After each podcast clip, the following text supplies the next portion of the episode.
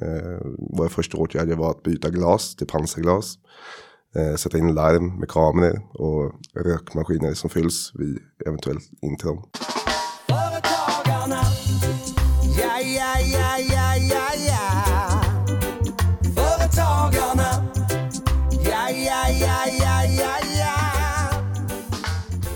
Hej och välkomna till Företagarpodden med mig Julia Selander, vd på VentureCap. Och med mig Günther Mårder, vd på Företagarna. Och det här avsnittet så kommer vi diskutera om 1000 kronor idag är bättre än 2000 kronor i framtiden. Vi reder ut när och varför du ska pensionsspara som företagare. Just det, och vi har också granskat en företagsidé. Är det lukrativt att göra paintball?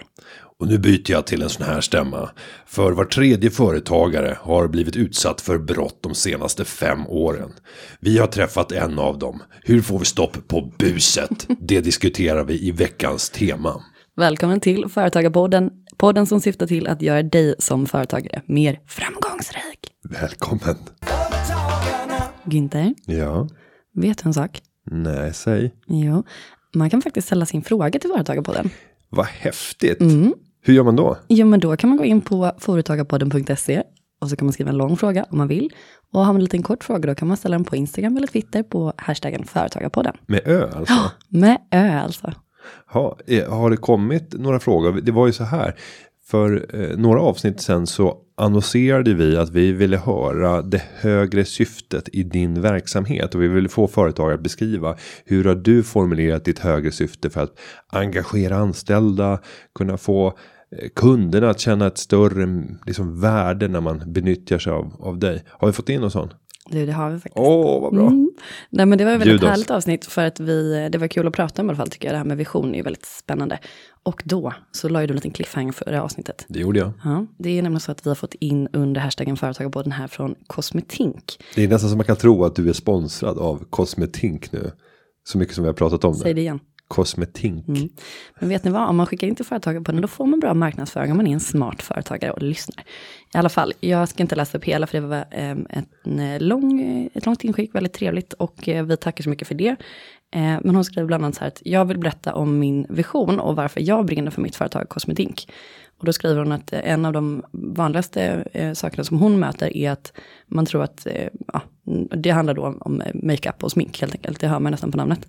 Ehm, men att hon möter att man, ja, mycket mer fåfänga fördomar mot det. Men hon menar att det finns så mycket mer. Det som, skri- hon skriver så här, men det som gör att jag brinner lite extra för mitt jobb är att kunna hjälpa de som faktiskt mår dåligt inombords på grund av olika anledningar. Flera av mina kunder har allosepia eller cancer. Um, där kan det betyda otroligt mycket att få ett par naturligt tatuerade ögonbryn exempelvis, skriver hon. Och så menar hon också att en dålig självkänsla påverkar oss varje gång vi tittar oss i spegeln eller träffar människor. Därför är hon väldigt, väldigt stolt att kunna vara med och eh, ja, hjälpa folk att må bättre och få en starkare självkänsla. Och det tycker jag var väldigt fint. Mm. Ja men det, det lyfter ju verksamheten till en, en vackrare nivå. Än att man tänker att jag gör eh, fåfängda människor tillfredsställda.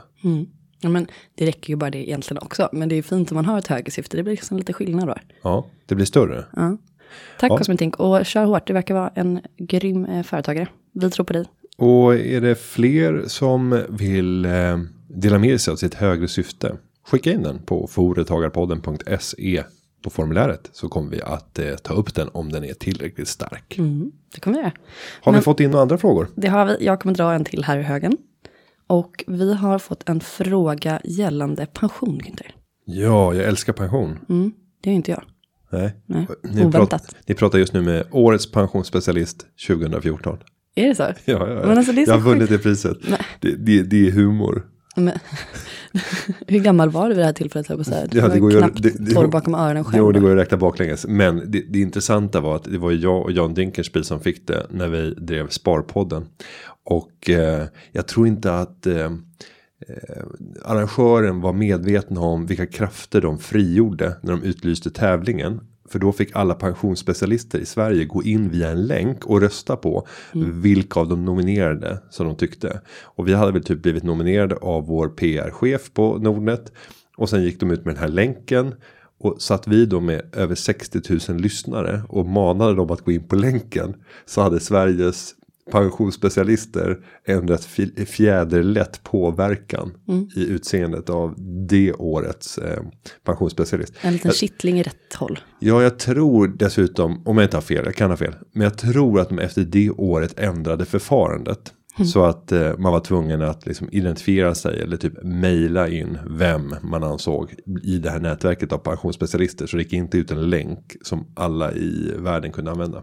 Men du, man kan säga att ni broke the internet som man brukar säga om saker som får liksom jättestor spridning. Ni broke the system helt enkelt. Så kan det ha varit. Mm. I alla fall, härligt med pension.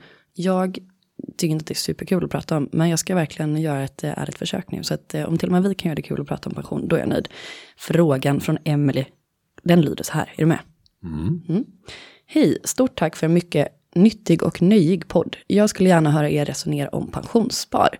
Jag är en enmansföretagare, AB, och när jag tittar på sparalternativ så verkar det som att för varje tusenlapp per månad som jag sätter in idag så får jag ut 2000 i månaden när jag blir pensionär. Jag är nu 34 år, skriver hon. Ehm, det känns som en dålig utväxling på insatta pengar. Är vinsten att jag låser pengarna och därmed inte riskerar att konsumera dem? Eller att jag fortsätter få den där tusenlappen även om jag blir 180 år, det vill säga mer tid än jag kanske hade sparat ihop det själv? Eller finns det faktiska ekonomiska vinster med det hela som jag inte har sett än? Jag tänker att det är så mycket mer värt att ha 1000 kronor idag än att ha 2000 kronor år 2055. Stort tack på förhand. Tack Emelie för din fråga. Och varför, varför känner jag igen det här resonemanget? Tu, tusen kronor idag är bättre än 2000 kronor i framtiden. Men det är så jag roligt tittar på att- dig. här. Ja, men det, det är kul för att jag lär mig ju väldigt mycket av att vara med i Företagarpodden. Ja. Jag ändrar ju inte några jag med. beteenden ännu, men eh, jag tänker på det i alla fall. Mm. Och nu när jag såg den här meningen i skrift så liksom löste jag upp från pappret. Jag tänker att det är så mycket mer värt att ha 1000 kronor idag än 2000 kronor år 2055. Så kände jag, är det jag som har skrivit den här frågan? Nej, det är det inte.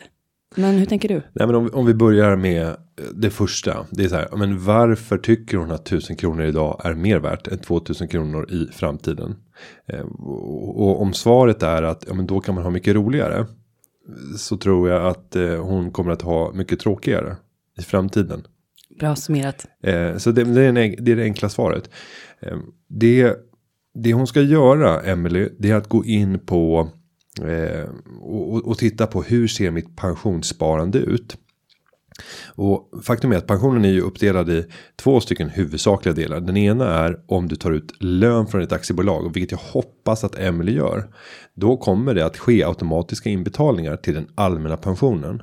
Och där avsätts det pengar från och med nästa år. Så har man höjt eh, inkomstbasbeloppet till eh, 62 500 kronor. Det innebär att man kan ta ut en lön på 39 000 kronor. Lite drygt. Och då kommer det att avsättas pengar till din allmänna pension upp till den gränsen. Ungefär. Sen finns det lite gränsvärdesdragningar. Men ungefär 39 000. Det ska man göra om man har möjlighet. För då har du ett bra grundläggande pensionsskydd. Eh, Av de pengarna så avsätts 18,5% i allmän pension. Varav du kan förfoga över 2,5 procentenheter av dem. Genom premiepensionen. Det är där man kan välja och, gå in. Så det är det första grundskyddet. Sen har du tjänstepensionen. Och sen har du den tredje delen som är den privata pensionen. Den privata. Men tjänstepensionen, jag tror att det är det hon resonerar kring. Ska hon avsätta den här extra tusenlappen varje månad för att eh, kunna få ut 2000 kronor i framtiden. Men paus där. Mm. Hur, hur, vad, vad bygger hon det här på? Vad hon bygger det på? Nej, men alltså att det blir dubbelt så mycket pengar. Ja, alltså. Jag har svårt att se att någon idag kan garantera en dubblering av pengarna. Förr i tiden så fanns det ju rätt många sådana här typer av garantiprodukter. Där man kunde få en garanterad summa i framtiden. Men i dagens lågräntesamhälle där vi till och med har minusränta så kan man inte garantera. Så därför har man nästan alltid gått ut gått över till modeller där det bygger på hur mycket du har satt in och hur stor avkastningen är på de pengarna.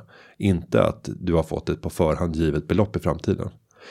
Och därför så skulle jag rekommendera det är absolut vettigt att ha ett eh, pensionssparande. Men det får inte gå ut över liksom, potentialen i din verksamhet. Om det innebär att din verksamhet inte växer eh, för att du har ett kapital som behövs för att få den fantastiska utväxlingen som annars skulle kunna finnas. Då eh, ska du investera i verksamheten. Men om det är för att jag kan ha mycket roligare med pengarna idag. Då är det läge att faktiskt ta en funderare. Så om man går in på minpension.se. Loggar in med BankID. Då kan man göra en prognos för hur kommer min framtida pension se ut. Är man 34 år, vilket hon skriver att hon är. Så är prognosen relativt osäker. För det kan hända mycket längs vägen.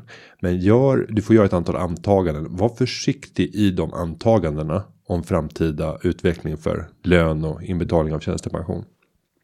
Och se, är du nöjd med det här beloppet? När du är lite konservativ. Om du är nöjd med det beloppet. Ja, då behöver du absolut inte pensionsspara. Då skulle jag se till att lev livets goda och satsa pengarna på det som ger högst liksom enheter av lycka i livet. Men jag tror att hon kommer bli lite besviken när hon går in och tittar och börjar fundera att oj, är det så här lite? För det är rätt vanligt tips. hos egenföretagare att man har struntat. Man har betalt ut för låg lön. Inte tagit ut 39 000 kronor. Eh, Och dessutom har man, har man inte betalat in tjänstepension. Och sen kanske man inte har något privat pensionssparande. Utan säger att företaget är min pension. Och så är det väldigt sällan om man driver en, en enmansbusiness. Men det, är känns som att man kanske, företaget. ja men precis, man kanske borde veta vad det svaret innebär då innan man slänger sig med det. Ehm, jag tänker osökt på det här gamla härliga uttrycket bättre med en eh, fågel i handen än tio i skogen eller vad det heter. Men det funkar liksom inte här. Ja, men det är det- ju otroligt kortsiktigt tänk. Nej men det är det jag menar med att jag tycker att det är roligt. Ja, det är roligt. Citat och roliga uttryck och Göteborgsvitsar, det är ju vägen till mitt hjärta som du vet. Så jag var bara tvungen att försöka få in det. Jo, men, men då är det Vet, lite... du, vi kanske ska ha Ju- Julias quote-hörna eller någonting på den. Ja, det kan vi också ha. Men, men, men, men då vill jag vara opponent mot det och säga att ja, liknelsen är stark om du som pensionssparande tänkt att du ska gå in på bettingsajter och försöka spela in storvinsten. Nej, då är det bättre med, med en krona i handen. Bättre. En, en tio potentiella. Bättre. Ja, bättre! Hallå! Du ser, jag är en jäkla maskin, det bara kommer sig Kommer direkt från Göteborg på morgonen. så den är det gör jag liksom inte faktiskt. Min första assimile- poet. assimilerat sig än. Med, Nej, jag- jag ber om ursäkt för mitt beteende. Men okej, Men pension. ni- Mm. jag vill också säga en sak. Nu kände jag i början av, när jag läste upp frågan, det här var på intet sätt något att jag ville dra ner Emily i den liksom, avgrunden som jag själv eh, uttrycker att jag befinner mig i vad gäller pension. Jag har faktiskt koll på läget, men jag tycker inte att det är så kul att prata om. Emily, du har koll på läget, du har gjort efterforskningar. Sen får du bara ja, ta till det vad vi säger om du vill eller inte. Nej men bara att hon ställer den här frågan gör att hon har ett försprång gentemot många andra företagare i hennes ålder. Eh, Absolut. Så, så där, är- där är det bra. Mm, men det är det jag menar, jag vill, bra, jag vill vända på den här negativa tonen jag hade. Och sen tänker jag också att ehm, jag känner igen det, jag menar att jag känner igen den här meningen att, att det är mycket mer värt att ha 1000 kronor nu än 2000 kronor ja, om massa år. Eh, Det är väl lite den här att man också känner att man borde få något när man gör något bra. Att så här, aha, men nu, nu har jag varit duktig här och sparat så mycket pengar i månaden, då borde jag ha något. Ja, men det finns ingen garanti som du säger. Så det får man också betänka. Men, men sen kan du också få den där tillfredsställelsen. Jag har ju kommit till den nivån att jag får tillfredsställelse när jag loggar in på min depå. Och ser beloppen. Alltså det är för mig en tillfredsställelse. För att det symboliserar så mycket frihet. Jag skiter i frihet, jag vill ha saker, upplevelser. Ja, men, men och det, det går att omsätta. Så att jag kan ju redan i min tanke vandra iväg och tänka allt jag skulle kunna. Och bara det är en glädje i sig. Att veta att jag kan, men jag tänker inte. Men jag kan. Ehm, Men, men jag tänkte gå tillbaka till ett annat tips. Och det är ju att det finns en eh, pensionsform för särskilt företagare som kan vara intressant att titta på. Och det är direktpension.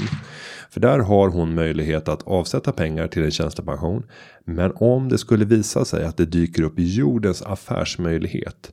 Hon kan eh, förvärva ett annat bolag eller få tag i en lokal som aldrig annars kommer bli ledig. Då kan man med hjälp av direktpensionen ta tillbaka inbetalda pensionsrätter till företaget. För att på så sätt göra den där affären, få det kapitalet man behövde. Så det ger mycket högre flexibilitet. Så det är som att avsätta pengar idag. Men ha möjligheten att ångra sig. Väldigt dålig idé för den som har, har svag karaktär. Men väldigt intressant för den som har en verksamhet som plötsligt skulle kunna gå mycket bättre om man fick ett stort kapital. Många bra tips här, men jag tänker också, följdfråga. Personer som har dålig karaktär, tror du att de själva har insikten om det? Nej, normalt sett inte. Nej, så därför det här tipset, är ju liksom, Och, ja. och då kan man säga så här, fråga en vän. Och nej, din vän kommer inte vara ärlig. eh, men om du får svaret så här, nej men du, du har väl inte dålig karaktär.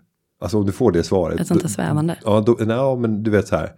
Om, om de inte på direkten bara smäller till det. Bara, det var det dummaste jag hört. Det, idioti. Jag menar, du är den jag känner som för det är så starkt man går ut. Om man ser att en vän har blivit anklagad för någonting. Om man håller med om det delvis. Så är det så här, nej, men jag tycker inte du är ful. Va? Eller, hur, Nej. hur, eller den här klassiken.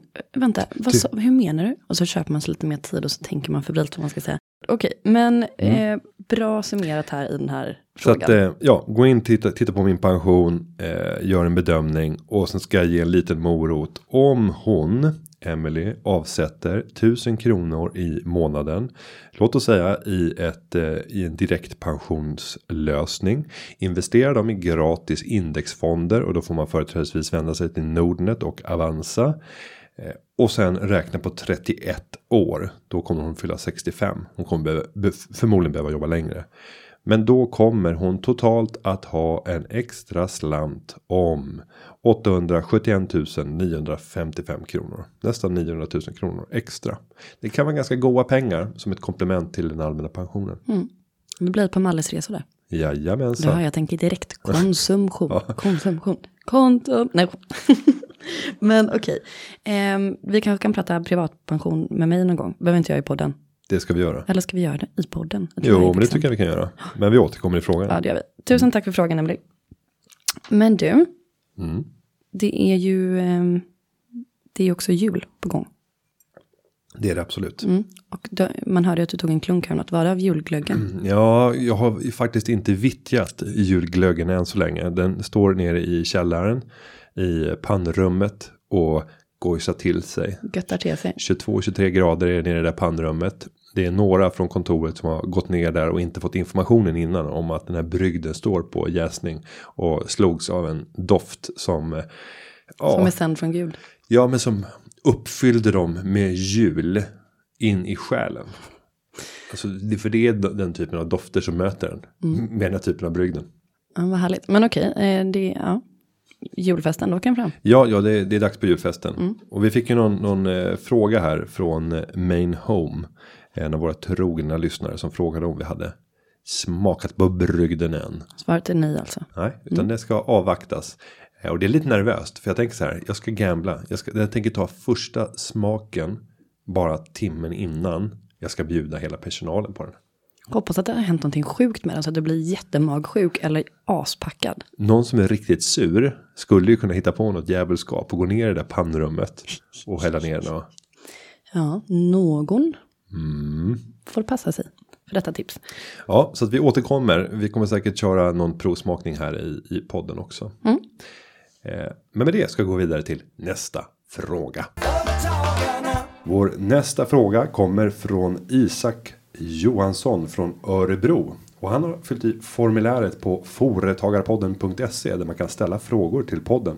Precis som man kan göra på Twitter och Instagram. Men då använder man hashtag företagarpodden med ö. Hej!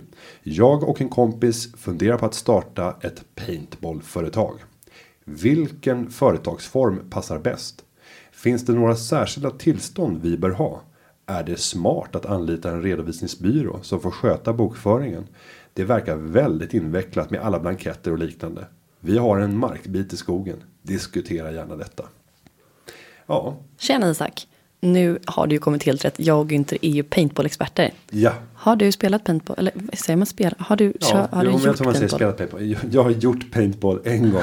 Fan, det här digniteten i det vi ska ge svar på, den, den sjunker direkt nu. Ha, har du gjort paintball? Jag har inte gjort paintball. Jo, men jag- jag... kan tänka mig att jag är väldigt duktig på det dock. Pricksäker, snabb, gillar att tävla, duktig på att kriga. Ja, det är ju väldigt roligt och det är väldigt pulshöjande. Det är också lätt att säga att man är bäst på någonting man aldrig har gjort. Ja, men jag har gjort det. Men jag säger, Ja. pratar om mig själv. Hur, hur gick det till när du gjorde paintball? När jag gjorde paintball. så,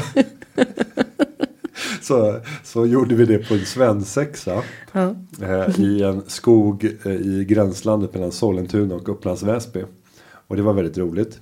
Eh, och då försökte vi ju göra så här förnedring. Att eh, han som skulle eh, gifta sig skulle då inte få uppbära samma skyddskläder som, eh, som vi andra hade. Det var ingenting som mottogs eh, positivt från arrangörens sida. Eh, varvid idén sprack. Eh, men det var roligt. Sen har, jag, sen har jag gjort paintball även med vänner eh, på landet. Men inte i organiserad form. Mm. Då har det inte varit att man har köpt av ett företag. Men det är en typisk svensexaktivitet. Jag tror att Verkligen. svensexa och möjligtvis så här företagsevent mot väldigt grabbiga företag.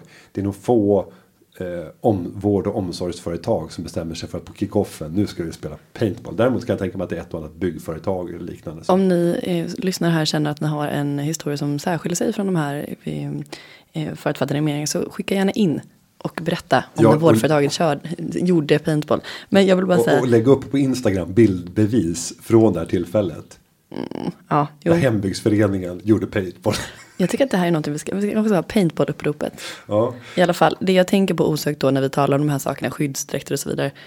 Jag tänker direkt, ja, det lär väl behövas lite olika formulär där man som deltagare, vad händer om man blir träffad någonstans där man verkligen blir skadad? Vems är ansvaret? Sådana saker. Alltså, försäkringar helt enkelt. Det känns som att det är viktigt. Ja, vi, vi ska ju vara ärliga och säga att vi har, vi har ju begränsat med erfarenheter. Men just en ansvarsfrånskrivning. Att, eh, och det tror jag till och med att vi skrev på när vi gjorde paintball.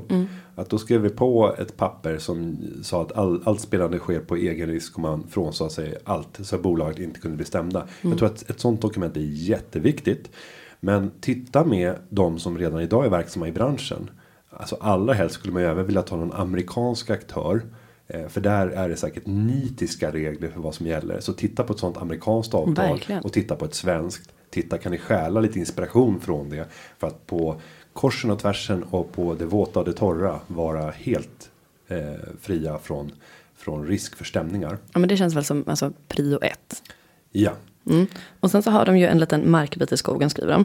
Eh, då tänker jag också att man behöver titta på vad finns det för olika, var, var någonstans ligger den här markbiten? Är det ett rikt djurliv med häckande eh, fåglar som häckar någon gång? Beckasiner. Exakt, så skulle det kunna vara. Eller precis vid Hornborgasjön där tranarna kommer en gång om året. Salama- Låter det för mycket? salamandrar. Salamandrar. Ja, eh, vet du att jag blev retad för det när jag var liten. Att mitt efternamn låter som salamander. Salamander. Ja, Eh, detalj. Men, nej, men på riktigt, titta upp vad det finns för eh, regler och villkor i eh, djur och naturlivet runt den här markplätten. Låter det väldigt mycket när man gör paintball? Vad vet jag? Eh, förstör man träd och ja, det är väl i och för sig eran markplätt då. Men ni fattar vad jag menar, sånt behöver man kolla upp. Ja, miljö, störande moment, behov av inhägnad. Jag tror att det är helt, eh, att det är jättehårda krav på inhägnad. Det hade vi i alla fall när jag gjorde paintball. Eh, och det kanske måste vara i två delar. Det hade inte varit orimligt att det är en inre cirkel som ska vara inhägnad och sen en yttre. Eh, och där man har ett skottfång så att det kan inte komma ut skott utanför. Ja, men dubbelkolla allt sånt här. Ta kontakt med kommun och länsstyrelse för att se om det finns några begränsningar. Sen så skulle jag vilja slå ett slag för mentorskap. Förstår du vad jag tänker? Ja, men jag tror det, för jag har lärt känna dig lite grann nu efter snart ett års poddande, eller på att säga ett halvår i alla fall. Jag tänker att du tänker på att när det gäller mentorer, tanka andra som redan har gjort den här resan på kunskap och inspireras. Ja, och jag tror att de personer som redan idag driver verksamhet kommer vara väldigt eh, bra mentorer till er. Och då måste man ställa sig frågan, kommer de ställa upp på det här? Alltså, eh, paintball-communityn, jag tror att det ändå finns en kärlek mellan personer i sektorn. Jag kan hoppas det. Ja, jag tror inte att man bedriver krig mot varandra om det inte är så att man är de två banorna som konkurrerar mot varandra. Ehm, Så, så därför, ta kontakt med någon bana som inte befinner sig på den orten där ni tänker bedriva er rörelse. Och nu stod det att han var från Örebro. Jag prövade att googla, spela paintball. Nu är säkert mitt Google dopat i förhållande till Stockholm. Ehm, Men då fick jag upp eh, spelapaintball.com. Och de marknadsför sig som, nu ska vi se hur de beskriver sig på sidan. Ehm, jo, vi är störst på paintball i Stockholm och har mer än 20 års erfarenhet. Välkomna till oss för att spela paintball både inomhus och utomhus. Och det här är alltså inte sponsrat då.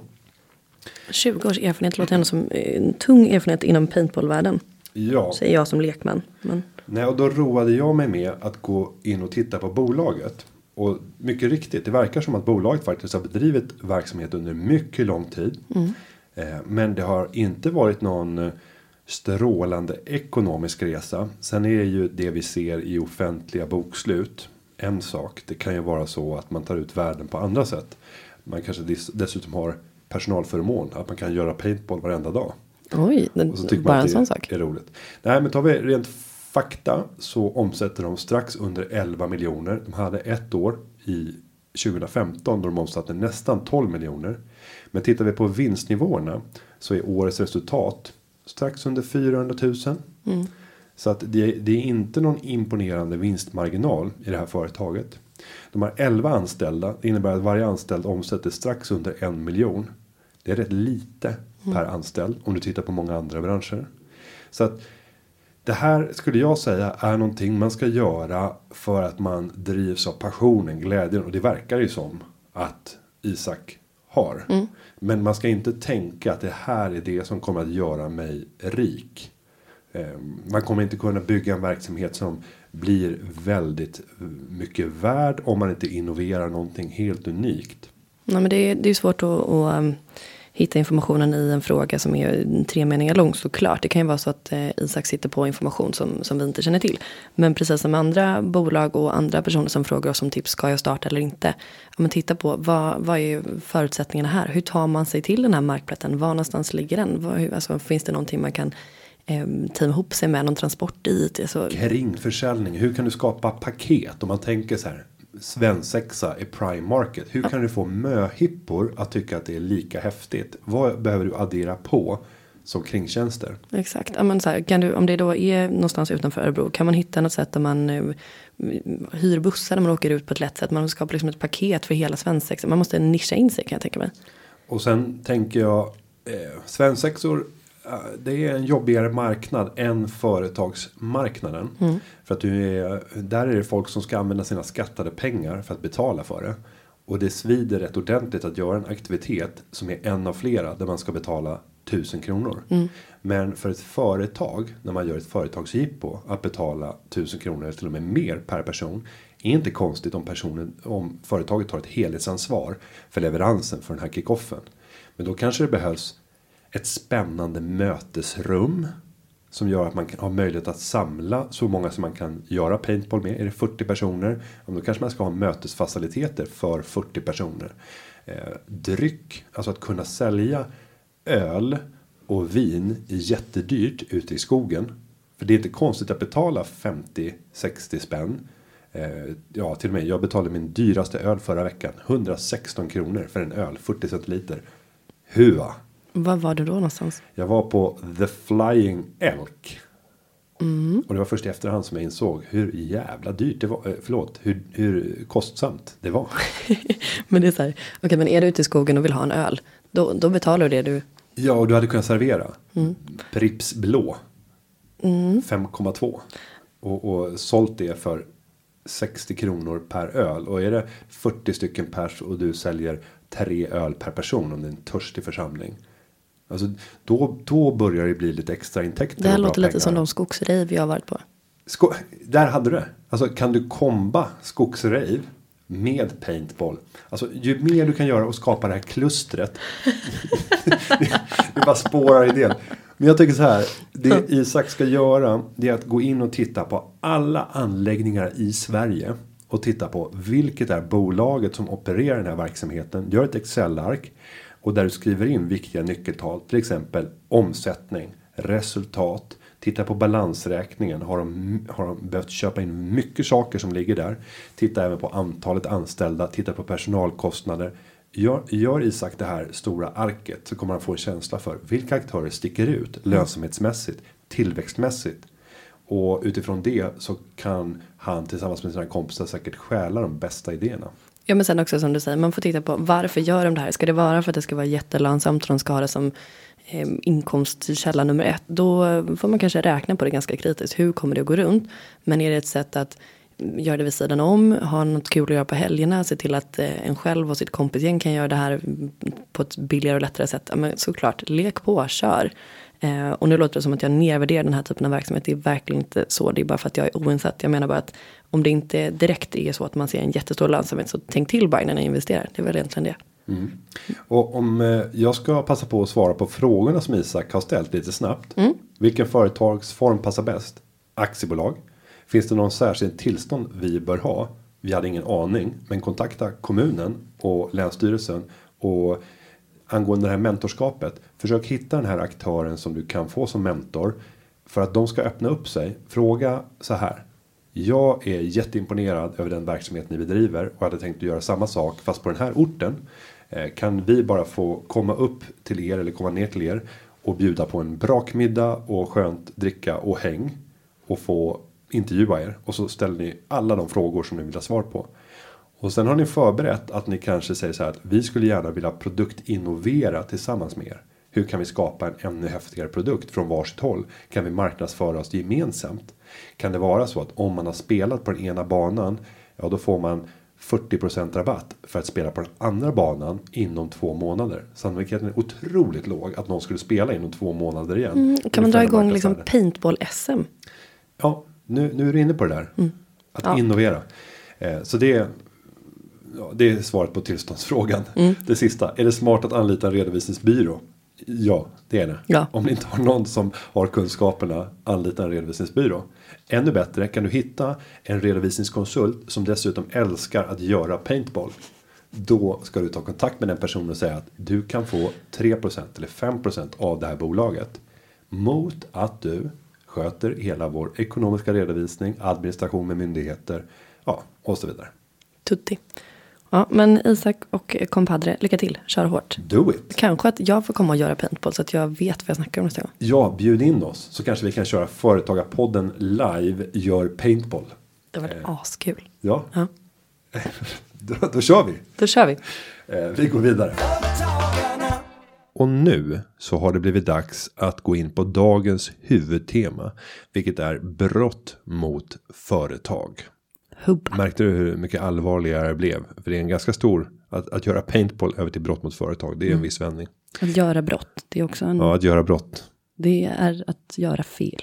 Nej men eh, skämt åsido, ja det är allvarligt. Och det drabbar företagare. Och det drabbar företagare i hela Sverige. Det är både stora städer och små städer. Och eh, ja, ni har gjort en undersökning på det här på företagen också. Det har vi gjort och jag har bjudit in en av våra specialister på företagarna, Filip Thunborg och en eh, medlem tillika företagare och även förtroendevald som heter Fredrik Anell Berger. Jag intervjuade dem tidigare. Här är den intervjun. Varsågoda. Då säger jag välkommen till Filip Thunborg som är expert här på Företagarna och jobbar en hel del med brott mot företagare. Välkommen! Tack så mycket. Eh, Du har ju studerat det här och vi har ju släppt en rad rapporter från företagarnas sida när det gäller just brott mot företag. Vad kan man säga? Vad är den generella trenden just nu? Ja, eh, vi har ju nyligen släppt en, en rapport eh, som, som visar då att, att det är var tredje företag i Sverige som är utsatt för brott de senaste fem åren. Eh, och vi kan se att det är ungefär 30 procent som upplever då att eh, närvaron, polisens närvaro är tillräcklig i Sverige för att de ska känna sig trygga. Så det är väl den, den övergripande trenden. Och, och är det här något problem egentligen? Eller är inte det så här normala tal? Så här ser ett, ett samhälle ut. Jo, absolut. Det, det kan, man väl, kan man väl se. Men samtidigt så ser vi då att vad vi får höra av våra medlemmar och, och som vi ser i, i undersökningen då så är det ju väldigt många som avstår från att anmäla eh, brotten. Eh, och det, det är ju väldigt problematiskt för då kommer vi liksom inte till, till botten med, med problemen. Och ska vi lyfta det till den politiska agendan så måste ju eh, företagen känna sig sedda och tycka att det finns en mening med att, med att anmäla brott eh, till polisen. Och det här måste ju göra att mörkertalet också växer. Och att det är många som då kanske inte ens eh, har eh, anmält brott. Och därmed inte kommer in i statistiken. Mm. Ja, absolut. Det är, som sagt, det är ett jättestort problem och det är, i slutändan så går vi mot ett samhälle där allt fler avstår från att anmäla. Då har vi ett jättestort problem i förtroende till rättsväsendet och, och så vidare. Och, så att eh, företagen måste ju känna att det finns, finns en anledning till att ringa polisen när de blir, när de blir utsatta för brott. Eh, så att ja, de kan se till så att de här brottslingarna lagförs då och, och så att det blir en förändring till det bättre såklart. Mm. Och nu idag har vi även med oss en gäst, Fredrik Anell Berger som driver bolaget Brink och Berger bland annat. Du är även ordförande för Företagarna Uppsala. Välkommen till Företagarpodden. Tack så mycket. Du är ju också en företagare som har blivit utsatt för eh, en rad brott och det var närmast tragikomiskt eh, när du kommer in här på morgonen och berättar igår hände det igen. Mm, jag har ägnat söndagen att eh, städa upp efter ett inbrott på en av våra eh, vinterstängda anläggningar. Och ska du berätta vad du driver för verksamhet så att vi får kontexten? Jag driver ett eh, event och konsertföretag. Så vi producerar olika typer av arrangemang. Konserter och företagsarrangemang och klubbar och så. Och vilka typer av brott är det du har blivit utsatt för i din roll som företagare? De flesta. Eh, och, men de, de allvarligaste inträffade för ett år sedan. Eh, med en månads mellanrum då vi hade två eh, inbrott på, på vårt kont- kontor. Eh, med en kort, liksom, kort intervall. Eh, där man helt sonika har kommit över en larmkod. Passerat en dörr till ett stort kontorshotellskomplex. Och sen slagit sönder vår, just bara våra fönsterrutor. Eh, och slagit sönder kassaskåp och gått igenom våra lokaler systematiskt. Och, och har ni någon, eh, det här låter ju nästan som att det skulle vara något insiderjobb om man har en larmkod också. Och man går Eh. direkt till er lokal om det finns fler att välja mellan. Det är ju lite svårt att kanske svara helt eh, på. Eh, Men den här fastigheten som vi satt i på den tiden, vi har flyttat efter dess. Vilket också var en av våra åtgärder, att vi kände att vi inte ville vara kvar på den platsen. Har haft mm, stora problem med inbrott och sådär. Och det finns, har funnits larmkoder och nycklar i omlopp till liksom ytterskalet. Eh, Det är en av de större liksom, fastighetsanläggningarna i Uppsala. Och, och vad hände vid det läget? Ni polisanmäler Mm. och polisen kommer dit antar jag. Ja, vid, vid det ena tillfället så polisanmäler vi. Poli, det är en lördagkväll som vi upptäcker inbrottet. Polisen kommer dit efter fyra timmar. Eh, och gör en eh, snabb genomgång, stänger av platsen.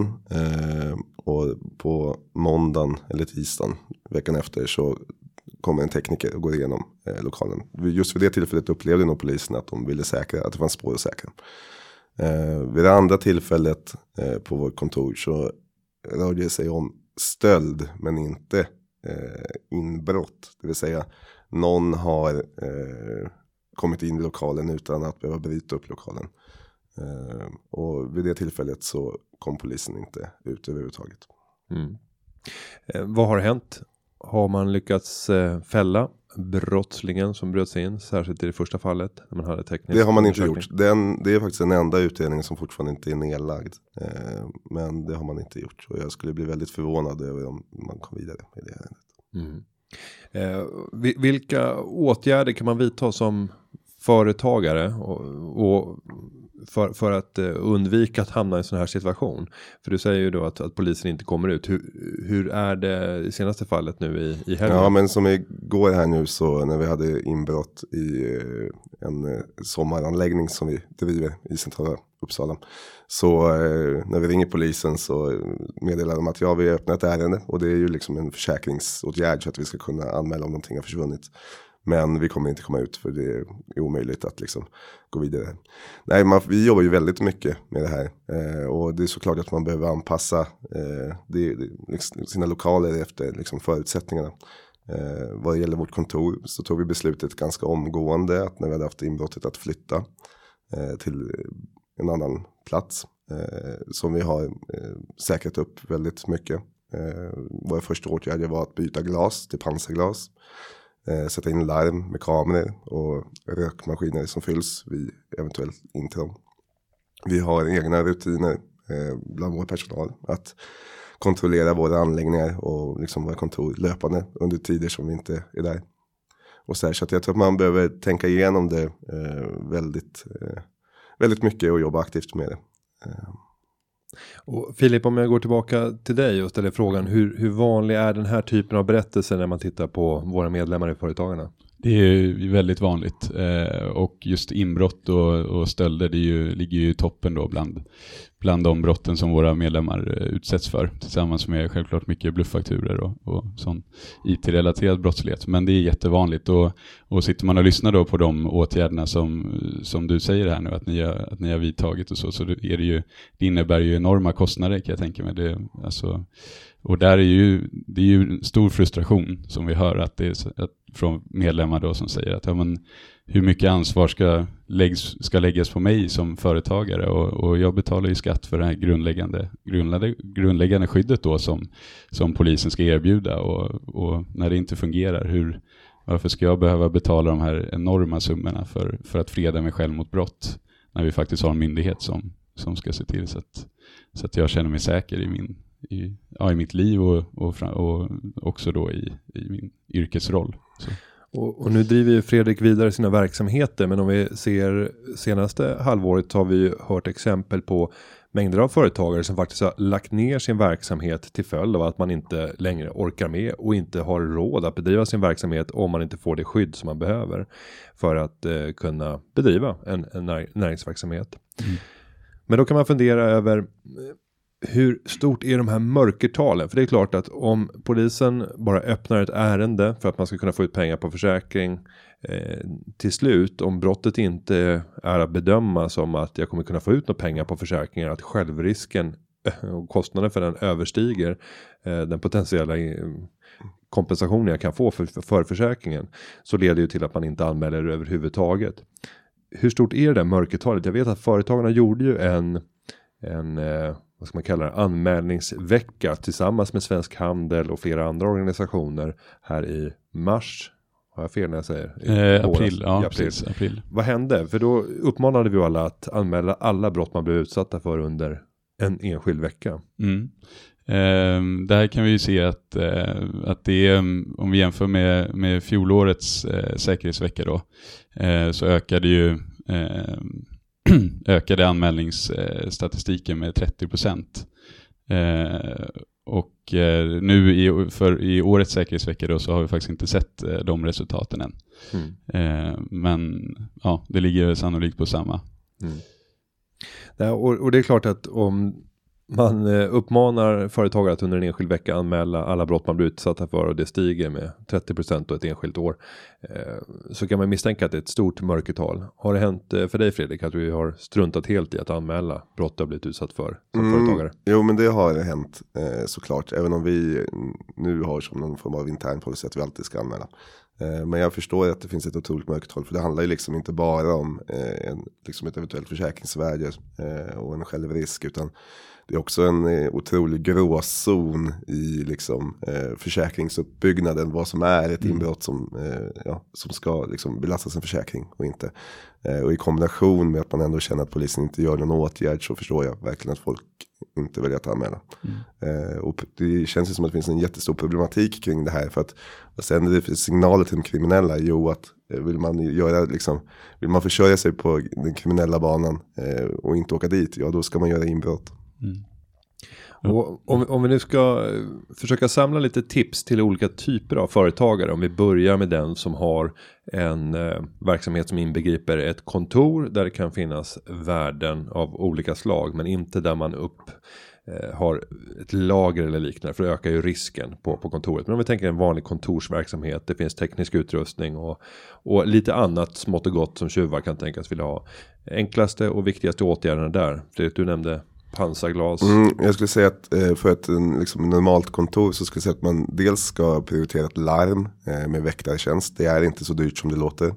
Eh, nummer ett. Eh, nummer två är att om anställda inte tar hem datorer så borde man skaffa ett kassaskåp eh, och kunna låsa in datorerna på, på kvällen. Det skulle jag säga är de två eh, lättaste åtgärderna mm. som ändå kan skydda ganska mycket. Jag tänker också på att, att göra det oansenligt. Eh, jag kan tänka mig att mycket av, av brottsligheten utgår ifrån liksom den okulära besiktningen. Brottslingen tittar på. Kan det finnas några större värden att hämta här? Och så gör man en snabb bedömning innan man börjar begå brottet. Att, att göra så att kontoret utifrån sett ser väsentligt mycket sämre ut. Att man är ett riktigt illamående företag. Inte välmående. Filip, har du några andra tips till just företagaren eller kontoret för att skydda det? Ja, nej, men jag tycker Fredriks eh, tips är, är väldigt bra. Eh, och skulle väl vilja säga då att om man känner sig osäker på vad man, vad man kan göra och vad man borde göra så är det väl en, en jättebra idé att, att faktiskt höra av sig till polisen som kan eh, hjälpa till och tipsa om hur man kan eh, på andra sätt, givet vilken verksamhet man har och, och hur, hur den är belägen och så vidare. Att faktiskt få tips på, på vad, hur, hur bäst kan jag eh, liksom stoppa, stoppa tjuven från att, från att ta sig in här eller så. Nej, och det har jag faktiskt varit med om ute i eh, Företagarsverige att det har arrangerats träffar där man har bjudit in alla företagare på orten och sen har man tagit en av poliserna som får komma med tips och tricks och sen att det är öppen frågestund för att kunna jobba tillsammans preventivt för att stoppa brott. Men om vi går över till eh, den verksamhet som rymmer mer lokaler och rymmer kanske lager. Vad ska man tänka på i de lägena? De ligger ju oftast om vi tänker lager, lite mer undanskymda eh, ställen, mindre folk i rörelse normalt sett. Mm.